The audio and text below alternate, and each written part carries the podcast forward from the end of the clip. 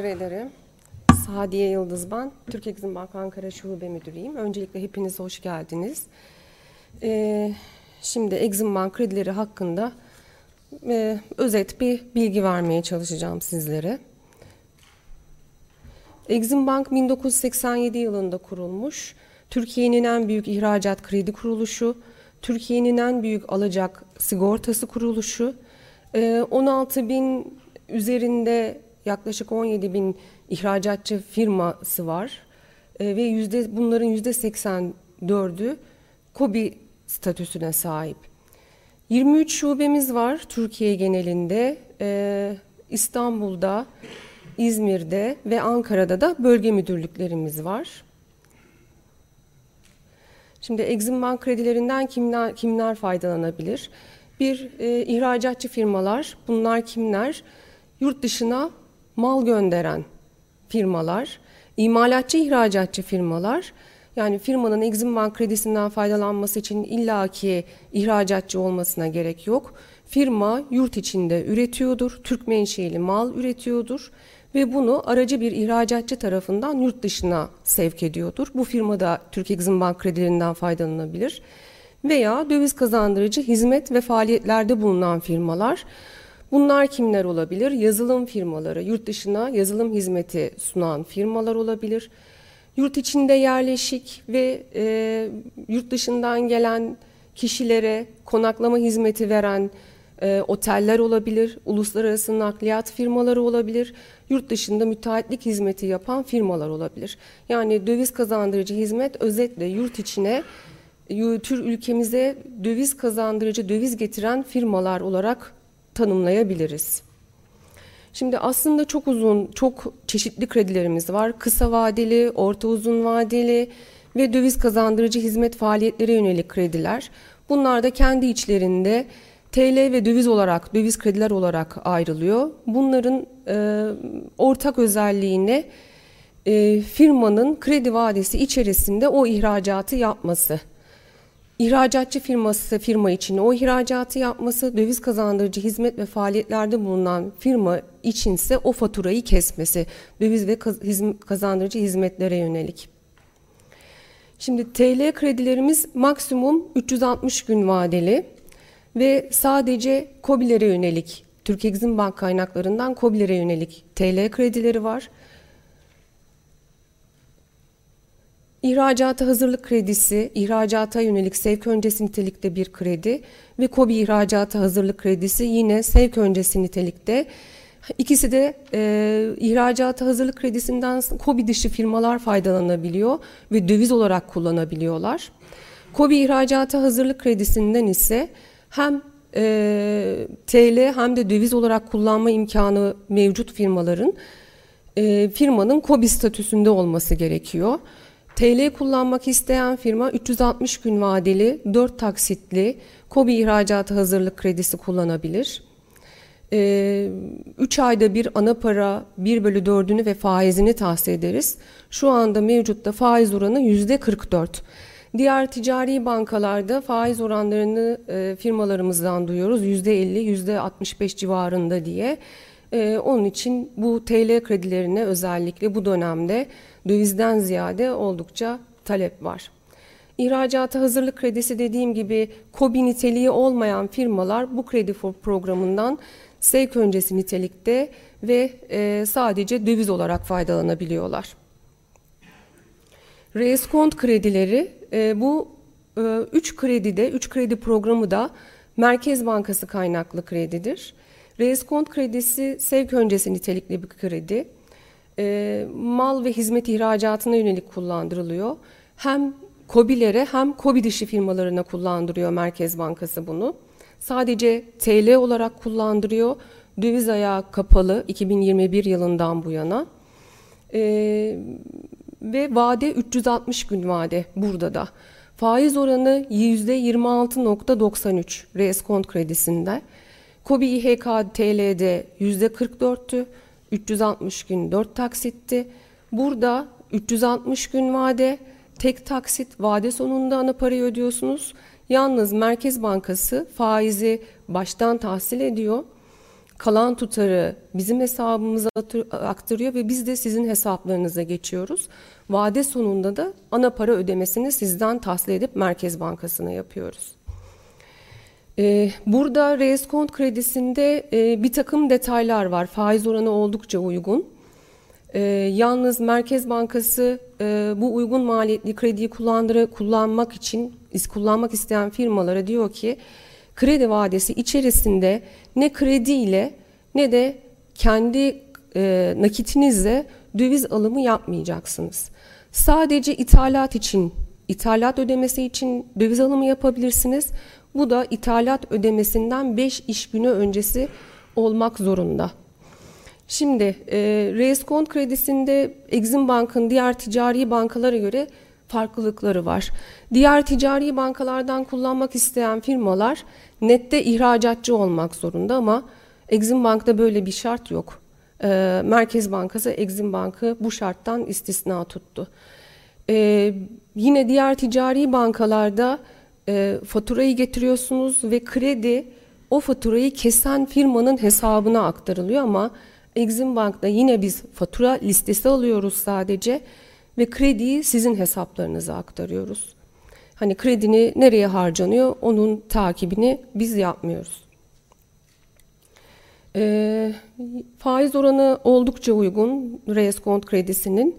Hani burada e, reskont kredisinde SASAT üyelerine bir takım ayrıcalıklar var.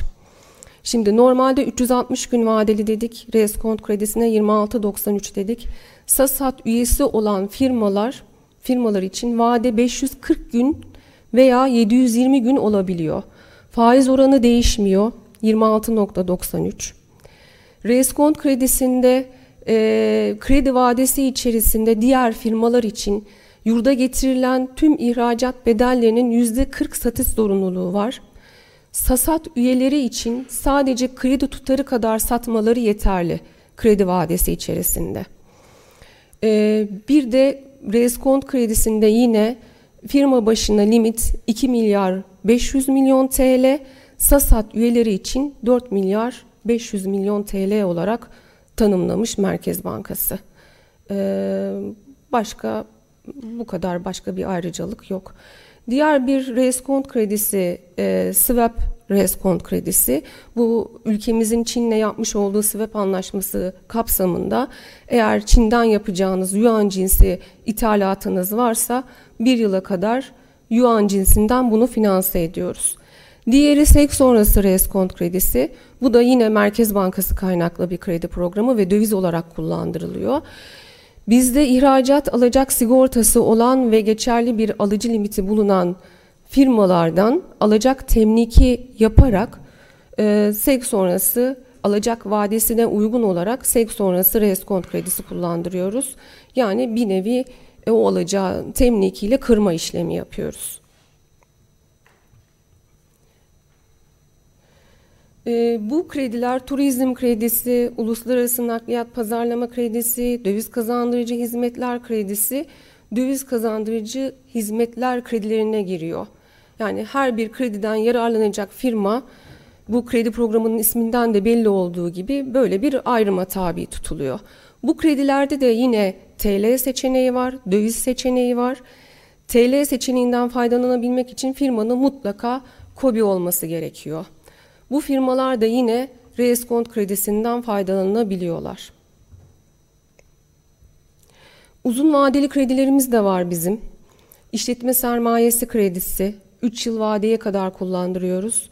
6 ayda bir ana para faiz ödemesi istiyoruz firmalardan veya 5 yıla kadar yatırım kredisi kullandırabiliyoruz. Burada e, yine 6 ayda bir e, ana para faiz ödemesi bekliyoruz firmalardan. Burada da maliyetler yaklaşık e, yıllık olarak 8,5-9'lara geliyor. Döviz kredileri birazcık maliyetli TL'ye göre.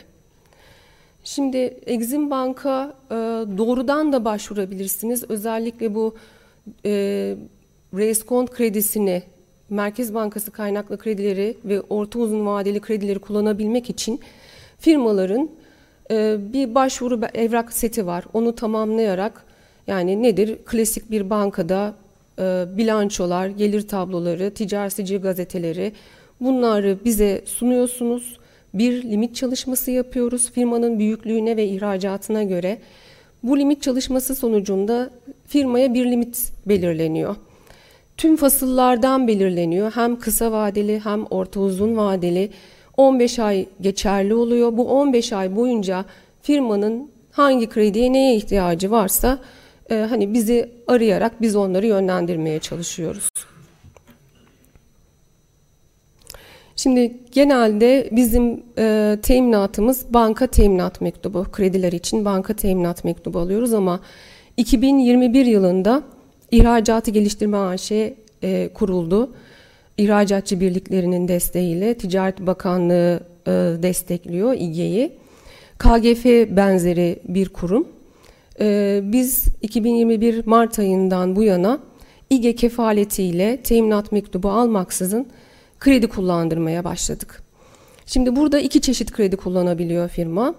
Ya KOBİ İHK e, TL kullanabiliyor veyahut da Reskont TL kullanabiliyor. İGE kefaletinde bir istisna var. Hani bizde mektupla geldiğinizde KOBİ İHK'yı sadece KOBİ olan TL krediyi KOBİ olan firmalar kullanabiliyordu ama İGE teminatına kabul olmanız halinde KOBİ dişi firmalarda İHK TL kredisi kullanabiliyorlar. KOBİ'lerde limit 30 milyon TL, KOBİ dişi firmalarda 60 milyon TL. Kapataç şeklinde çalışıyor bu limitler. E, firmanın burada tabii e, bu limitler maksimum limitler. Firmanın mali gücüne ve reytingine göre firma bazında e, limit belirleniyor ve 15 ay boyunca o limitler çerçevesinde kapataç şeklinde kullandırımlar yapıyoruz. İGE burada e, yüzde ana paranın yüzde bir buçuğu kadar komisyon alıyor ve 2000 TL'de başvuru ücreti istiyor. E, ya reskont kredisi kullanabiliyorsunuz veyahut da TL kredi veyahut da dediğimiz gibi banka kaynaklı TL kredisi alabiliyorsunuz. Bankamızın destek tutarları var e, burada yıllar itibariyle. Kasım itibariyle 37.9 milyar dolara ulaşmışız.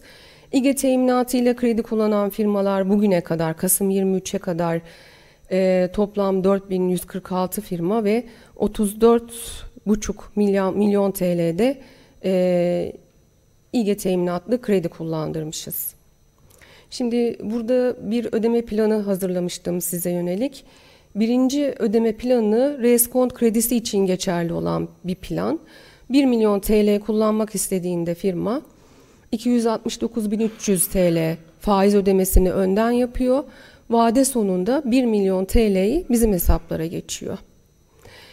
E, SASAT üyelerine ayrıcalık vardı vadede. 540 gün veya 720 gün olabiliyordu tek taksitli kredi. Ama bu çok fazla SASAT üyeleri tarafından tercih edilmiyor. Sebebi de e, faiz tutarının yüksekliğinden dolayı ana paradan kesilen tutarın artması nedeniyle vade uzadığında genelde 360 gün vadeyi tercih ediyor SASAT üye, üyeleri de. Diğeri de e, normal bizim kendi öz sermayemizden kullandırdığımız KOBİ ihracat hazırlık TL kredisi. E, 1 milyon TL için ödeme planı 3 ayda bir ana para faiz ödüyorsunuz. Faiz toplamı 275 bin e, TL. E, alacak sigortasına geçmeden önce herhangi bir sorusu olan var mı kredilerle ilgili? E, şöyle bir bilgi edinmiştim. Örnek veriyorum... E, Azerbaycan'da bir e, firmayla anlaşacağız. E, Exim Bank Azerbaycan Bankası'na e, Azerbaycan Bankası da e, ihracatı yapacağımız yerel firmaya ve finansman maliyetleri de dahil olmak üzere e, bu tarz bir kredi imkanı sunabiliyormuş diye öğrendik. Evet bu alıcı kredisi. E, bu, Doğru. Buna eğitimlerde çok yer verilmiyor gibi geliyor bana. Yani ya da ben kaçırıyor olabilirim. Genelde hı hı. bahsedilen Türkiye'de verilen ihracatlar ama hı hı. mesela bu tarz global kriz dönemlerinde aslında ihracatı artırmaya yönelik bu tarz paketlerin de olduğu, bunlar için işte finansmanını ikna etmek şartıyla işte örneğin Azerbaycan'daki yerli firmayı da ikna edebilirsiniz, ihracatları hızlandırabilirsiniz şeklinde de bilgilendirme programlarını e, bir ara yine aktarırsanız çok memnun oluruz. Onu eklemek Tabii istedim. ki. Hatta ben şimdi kısa bir e, bir şeyler de söyleyeyim bununla ilgili. Bu alıcı kredisi o bankanın bizde limitinin olması gerekiyor. Limit vermemiz gerekiyor bankaya. E, çok fazla uygulanabilirliği var mı? Yok. Süreçleri biraz daha uzun sürüyor. E, ve bu genelde genel müdürlüğümüz tarafından uygulanan e, bir finansman çeşidi. Exim Bank uyguluyor, evet. E, şimdi orada da maliyetler dövizde, döviz olarak kullandıracağız tabii ki krediyi. Biraz daha yüksek oluyor. Çünkü Türkiye'nin CDS'leri belli, yurt dışından borçlanma maliyetleri belli. Hani e, firmalarımız tercih ediyor mu? Çok fazla yurt dışında yerleşik alıcı çok fazla tercih etmiyor ama bu tip talepler olursa da e, genel müdürlüğümüze iletiyoruz taleplerinizi. Başka var mı sorusu olan? Tamam. Ben şimdi Burcu Hanım'a bırakıyorum yerimi. Teşekkür ederim dinlediğiniz için.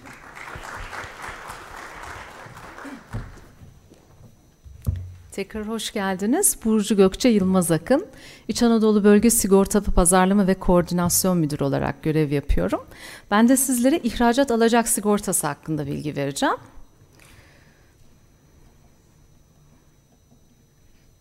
Şimdi Exim Bank olarak ikinci temel işlemimiz ihracat alacak sigortası yapmak. 1989 yılından beri böyle bir işlem yapıyoruz ve Sadiye Hanım'ın da bahsettiği üzere Türkiye'nin en büyük ihracat alacak kuruluşuyuz. İhracat alacak sigortası kuruluşuyuz daha doğrusu. Amacımız burada ihracatçılarımızın 360 güne kadar genelde vadeli yapmış olduğu satışlarını hem ticari hem de politik risklere karşı koruma altına almak. Bunun temel tarafları tabii ki ihracatçı, Türk Exim Bank ve alıcı. Bu programda asıl işimiz ihracatçımızla değil alıcılarla yani ihracatçıların alıcılarının risklerinin ölçülmesiyle aslında. Bu programın amacı e, hem riskleri güvence altına almak yani ödenmeme, bedelin alınmama riskini güvence altına almak hem de bu alacakların ileride yani sigortalanmış alacakların finansmana dönüşmesini sağlamak.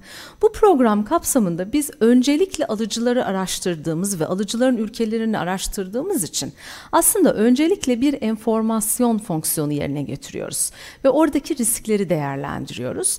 Daha sonra orada alacakları sigortalıyoruz yani bir teminat yaratmış oluyoruz ve bu yarattığımız teminatı da ileride finansmana döndürerek aslında bir programla ihracatçılarımıza üç temel fonksiyonu e, sağlamış oluyoruz.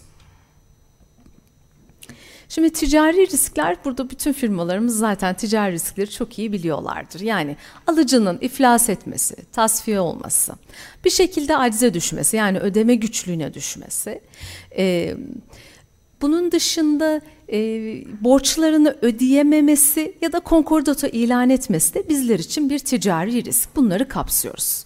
Politik risk dediğimiz zaman da herkesin aklına savaş, iç savaş, kargaşa, ihtilal gibi durumlar geliyor. Zaten hali hazırda da İsrail Filistin'de yaşıyoruz. Ee, geçen seneye kadar işte hala gerçi devam ediyor ama Ukrayna-Rusya savaşını gördük. Bunlar politik risk. Ancak bu bildiğimiz politik risklerin dışında daha farklı problemler de var aslında yurt dışı alacaklarla ilgili. Mesela e, ithalat yasağı konması ya da ithalat izninin iptal edilmesi ya da e, mallara el konulması yani karşı gümrükte malların millileştirilmesi de bir politik risk. Yine kamu alıcısının ödeyememe durumu, acize düşümü durumu da bizler için bir politik risk. Ve biz yaptığımız tek bir poliçe ile bütün bu riskleri güvence altına almış oluyoruz. Yani daha doğrusu ödenmeme sorununu bu risklere karşı güvence altına almış oluyoruz.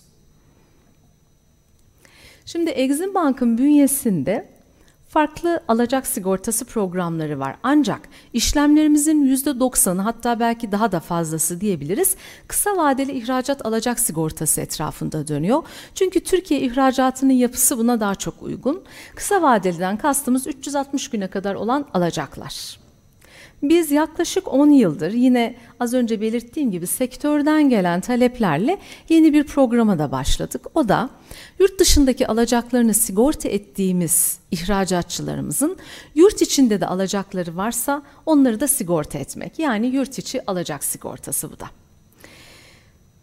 Çok yeni bir programımız var. Faiz hassasiyeti olan firmalarımız için faizsiz bankacılık ilke ve standartlarına göre çalışan bir katılım esaslı ihracat alacak sigortası programımız da mevcut.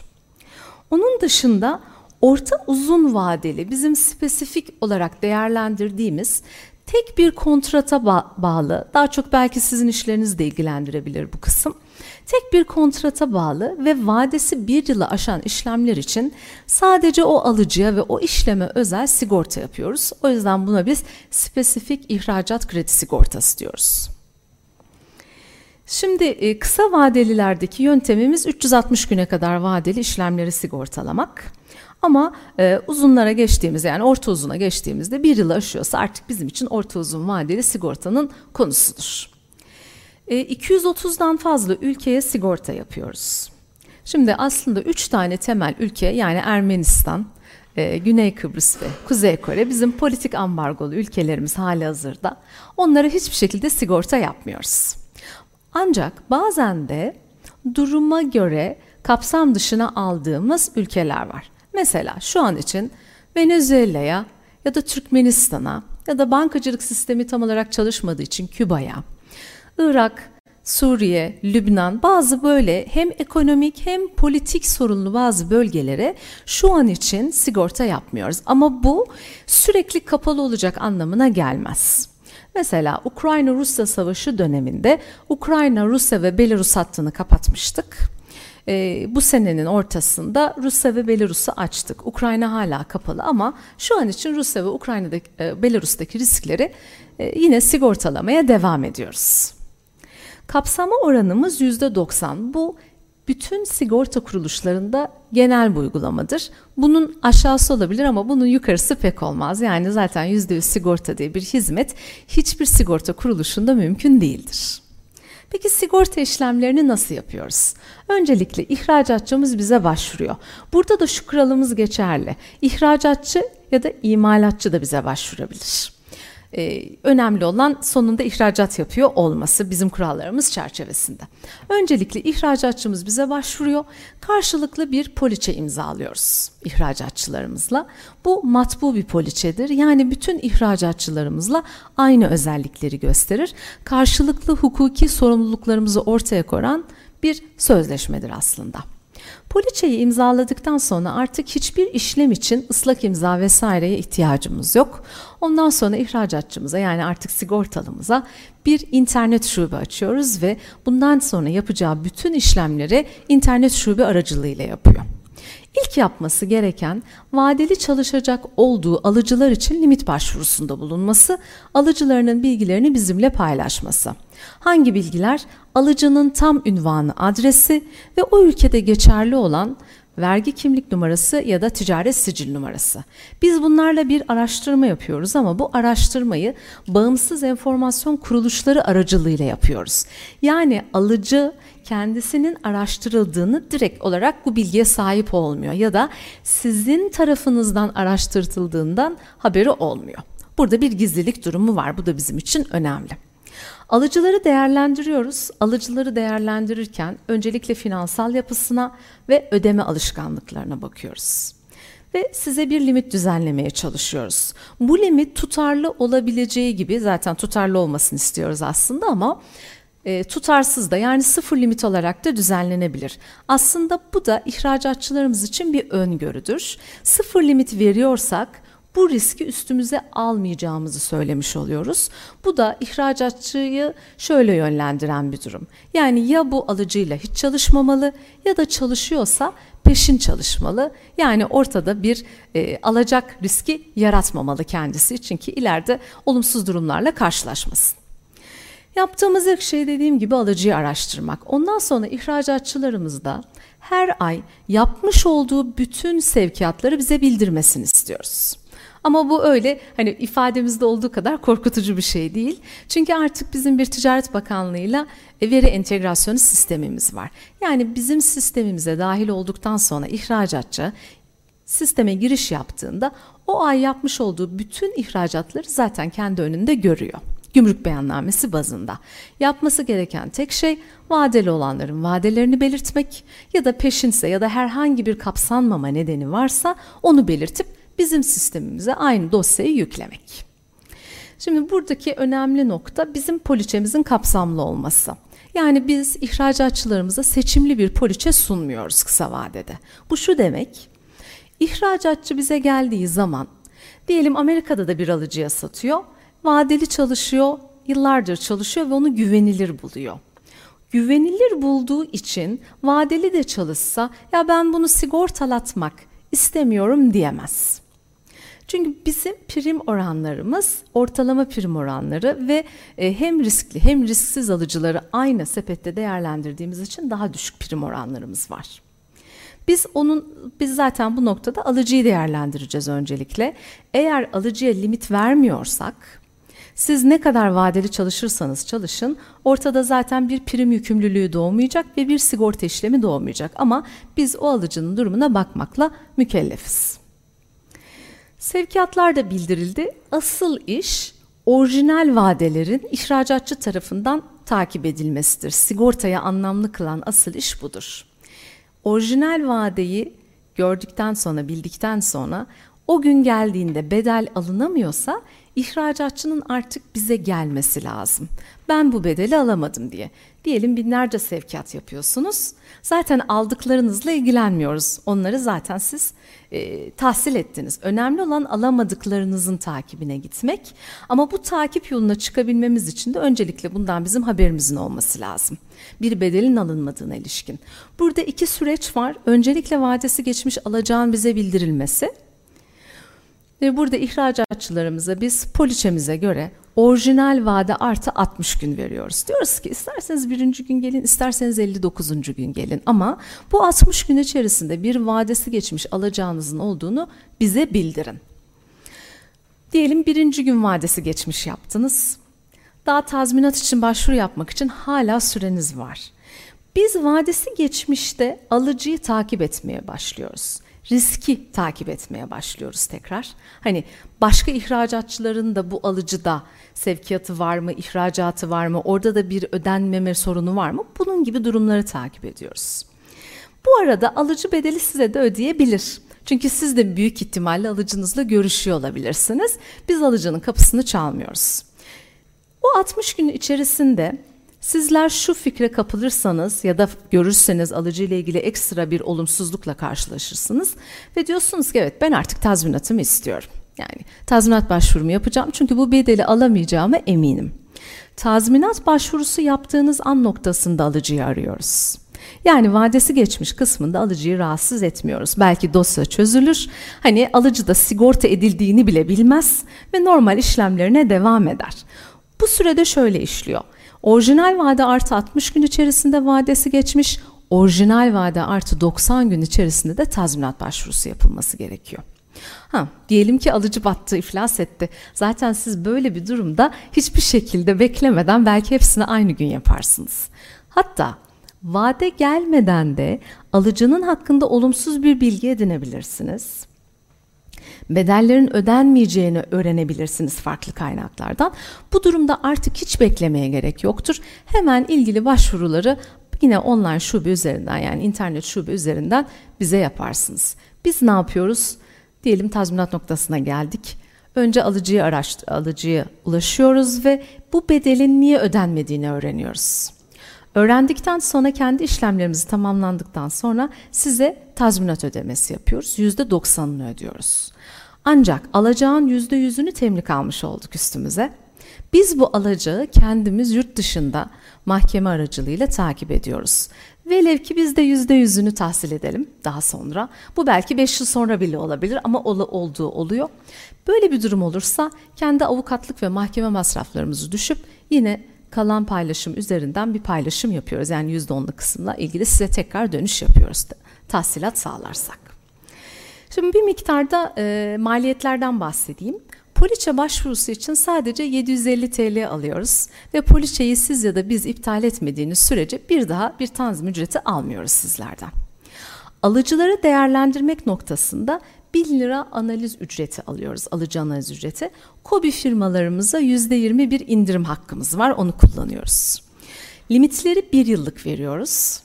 Bu limitler bir yıl içerisinde E, alıcının durumunda olumlu ya da olumsuz bir gelişme olur ise yine sizi bilgilendiriyoruz. Bu da aslında riski takip etmek için önemli bir unsur. Aslında gerçekte sigortanın e, asıl maliyeti primdir. Peki primi nasıl hesaplıyoruz? Öncelikle alıcının ülkesinin bir risk grubu var, risk grubu var ve bu belli zaten.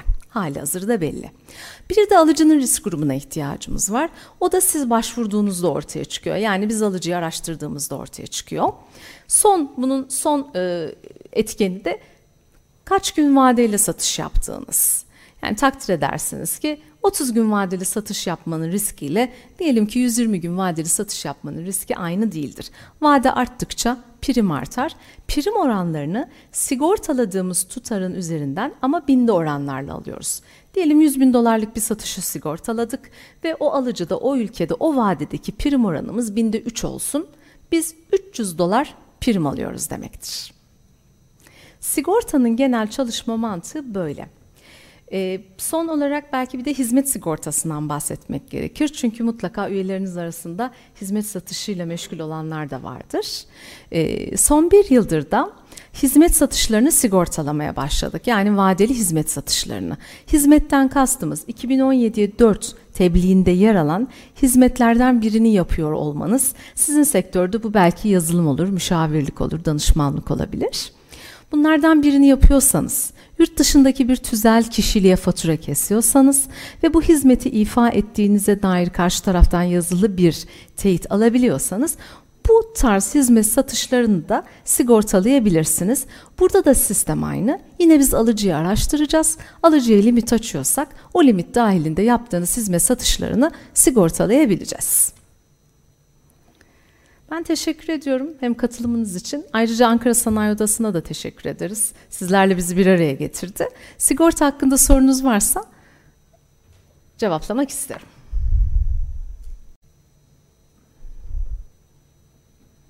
Öneriniz var mıdır? Hani şu ülkelerdeki e, işte sigorta yaptığımız zaman geri dönüşlerde sıkıntılar yaşadık.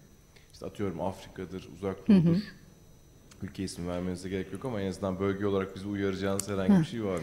Yani çok özel bir uyarımız yok. Çünkü hani biz tabii yıllardır aslında biz mal satışlarını sigortaladık ve e, çok da fazla tazminat ödediğimiz dönemler de oldu. Kriz dönemlerinde daha çok ödedik tabii ki.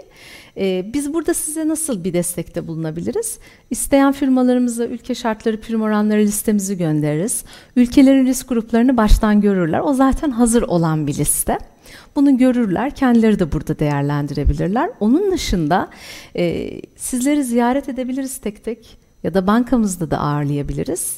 E, bu bölgede e, eğer böyle bir ziyaret ortamı yaratırsak, sizlerin de ihtiyaçlarını öğrenirsek firma bazında Sizleri o, o noktada belki yönlendirebiliriz. E, alıcıları öğrenebiliriz sizden. Ülkeyi bakarız. Hani o ülkede gerçekten böyle bir işlem yapılır ya da yapılamaz diye belki biraz daha proje bazında konuşabiliriz. Hani genel bir bilgi vermek yerine e, proje bazlı konuşmamız daha uygun olur.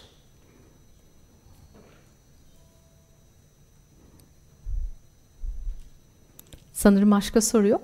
Çok teşekkür ediyoruz katılımınız için. Çok memnun olduk.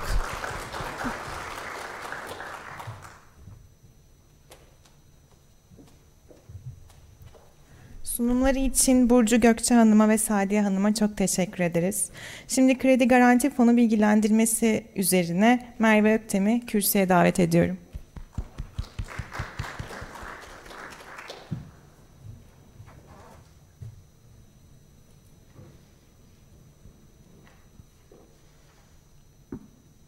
Sunumu göremiyorum ama. Heh, şimdi çok güzel.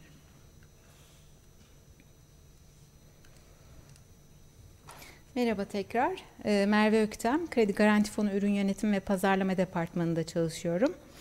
Ee, şimdi KGF'nin tanımı, tanıtımı ile ilgili kısaca bir sunum yapacağım sizlere. Ee, burada paylaşacağım bilgiler için e, sunumun sonunda paylaşacağım kanallar üzerinden iletişim kurmanızı bekliyoruz. Öncelikle kuruluş amacımızdan bahsedeyim. KGF teminat yetersizliği olan COBİ'lerin finansmana erişimini kolaylaştırmak amacıyla 1991 yılında kurulmuştur. E, misyonumuz Türkiye'nin büyüme ve kalkınmasına stratejik destek sağlamak. Vizyonumuz ise Türkiye için vazgeçilmez bir finans dest finansal destek kurumu olmak. E, KGF'nin tarihçesine şöyle bir göz atacak olursak 1991 yılında kuruldu. 1994 yılında ilk kefalet verildi.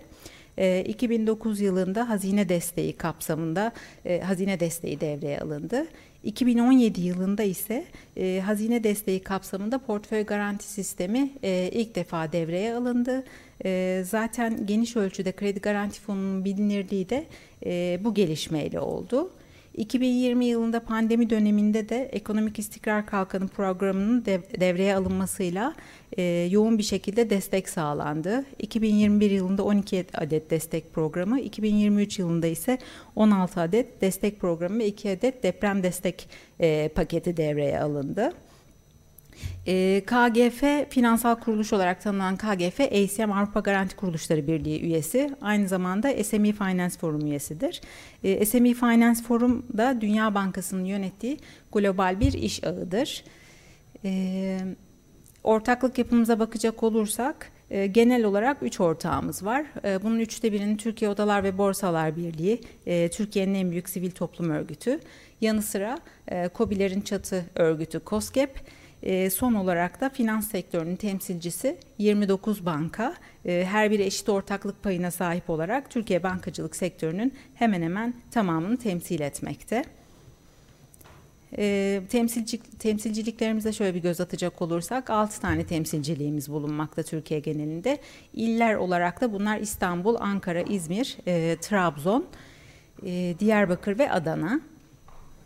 E, kefalet kaynaklarımıza şöyle bir göz atacak olursak, e, kayıtlı sermayemiz 600 milyon ancak öz kaynaklarımız bundan biraz daha fazla 1.7 milyar TL. E, bunun yanı sıra hazine e, destekli e, Hazine ve Maliye Bakanlığı tarafı, tarafından sağlanan 100 milyar devlet desteğinin yanı sıra e, yurt içi ve yurt dışı e, kamu ve özel muhtelif fon kaynaklarımız da bulunmakta. İşte Avrupa Yatırım Fonu, COSGAP, BTC, KFW e, bunların tamamını alt alta toplayacak olursak yaklaşık 102 e, milyar TL'ye kadar kefalet kaynağımız bulunmakta. E, kefalet türlerimize şöyle bir göz atacak olursak ikiye ayırabiliriz. E, birincisi bankalar aracılığıyla sağlanan kefaletler. E, ortağımız olan bankalar ile 29 tane ortağımız olan banka var. Bunun yanı sıra e, Kalkınma ve Yatırım Bankası AŞ aracılığıyla da kefalet sağlıyoruz. E, ikinci tür ise doğrudan sağladığımız kefaletler. Burada bankalar devre dışı, e, COSGAP, TÜBİTAK, TTG ve Sanayi ve e, Teknoloji Bakanlığı gibi kurum ve kuruluşların sağladıkları kaynaklar için yararlanıcılardan istedikleri teminat mektupları oluyor. KGF tam da burada devreye giriyor. E, bankadan alınacak teminat mektubu yerine kurumlarla yaptığımız anlaşmalar sayesinde e, KGF tarafından verilecek kefaletleri kullanabiliyorsunuz. E, KGF'nin sağladığı finansman kolaylıkları ise temelde uygun maliyet, uzun vade, e, uygun teminat, hızlı tahsis, yapılandırma imkanı. Aslında bir nevi kefalet ve kredi kullandırmanın getirdiği faydalar bunlar. Ee, şey burada da işleyiş var. Ee, bu şema aslında sadece kredi garanti fonu ve Türkiye e, olarak düşünülmesin. Global işleyiş olarak da özetleyebiliriz. Ee, en kritik süreç burada 3 numara müşteri görüşmesi ve inceleme. kefalet verilirken yararlanıcı KOBİ bankaya başvuruyor. banka dönüp kefalet kuruluşuna uygun olup olmadığını soruyor. Eğer uygunsa kredi kullandırıyor. Ama global kefalet uygulamasında kefalet kuruluşu birebir e, müşteriyi yerinde ziyaret ediyor. E, müşteri incelemesi de yapıyor. E, kefalet kuruluşu yerinde ziyaret gerçekleştiriyor ama bizim standart uygulamalarımızda yani hazine destekli olmayan kefalet uygulamalarımızda da bu yok. E, bu var özür dilerim. E, sadece PGS'de portföy garanti sisteminde ilerleyen slaytta bahsedeceğim. E, müşteri görüşmesi devre dışı. Bunu da şöyle özetleyebilirim. Burası bizim e, standart kefalet uygulamamız. Hazine destekli KGF kefaletlerinde az evvel üzerinde durduğumuz 3 numaralı e, müşteri ziyareti sekmesi devre dışı kalıyor. E, burada KGF yararlanıcı ile doğrudan hiçbir teması yok. Portföy garanti sisteminde işleyiş çok hızlı. Ee, her bir başvuru için firmayla görüşme ya da yerinde inceleme yok. KOBİ yararlanıcı bankaya başvuruyor. Banka değerlendirip KGF'ye e, tekrar e, geri gönderiyor ve bizim üzerimizden kefalet kullanımı gerçekleşiyor. E, bir de artık teknoloji çağında olduğumuz ve dijital olarak yararlanıcılarla ilgili her türlü bilgi ve belge elektronik ortamda ulaşabildiğimiz için e, o bilgiler üzerinden işliyor portföy garanti sistemi de. Ee, öz güncel kredi kullandırım hacmimize şöyle bir göz atacak olursak, öz kaynak tarafındaki kullandırımımız 45 milyar TL kredi civarında. Ee, hazine tarafı içinde bu rakam yaklaşık 1.2 trilyon değerinde. Ee, az evvelki rakamların bankacılık sektöründeki KGF payı güncelde %4 civarında.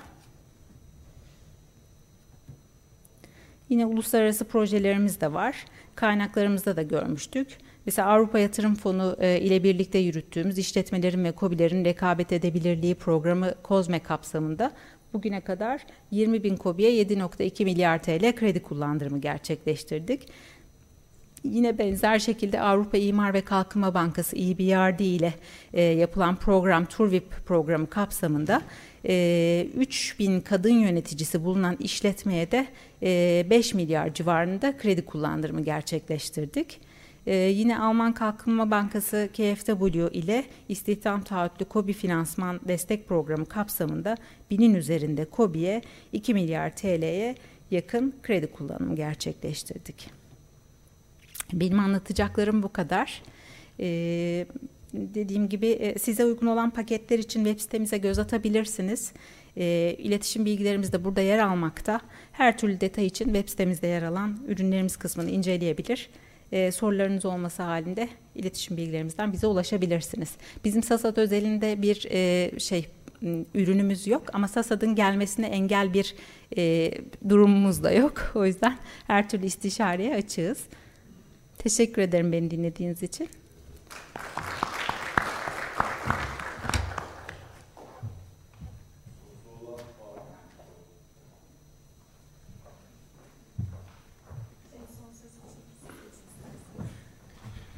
Bütün katılımcıları bazıları tabii ayrılmak zorunda kaldı ama çok çok teşekkür ediyoruz. Ee, yani bence faydalı bir oturum oldu. Ee, güzel, kısa, kompakt böyle hap şeklinde bilgileri aldık e, özellikle bankalar tarafından ve e, Kredi Garanti Fonu'ndan gelen misafirlerimize çok teşekkür ederiz. Ee, umarım faydalı olmuştur. Ee, bundan sonraki dönemde yine bu tarz benzer etkinlikler yine e, üyelerimiz tarafından gelen taleplere göre yine şekillenecek.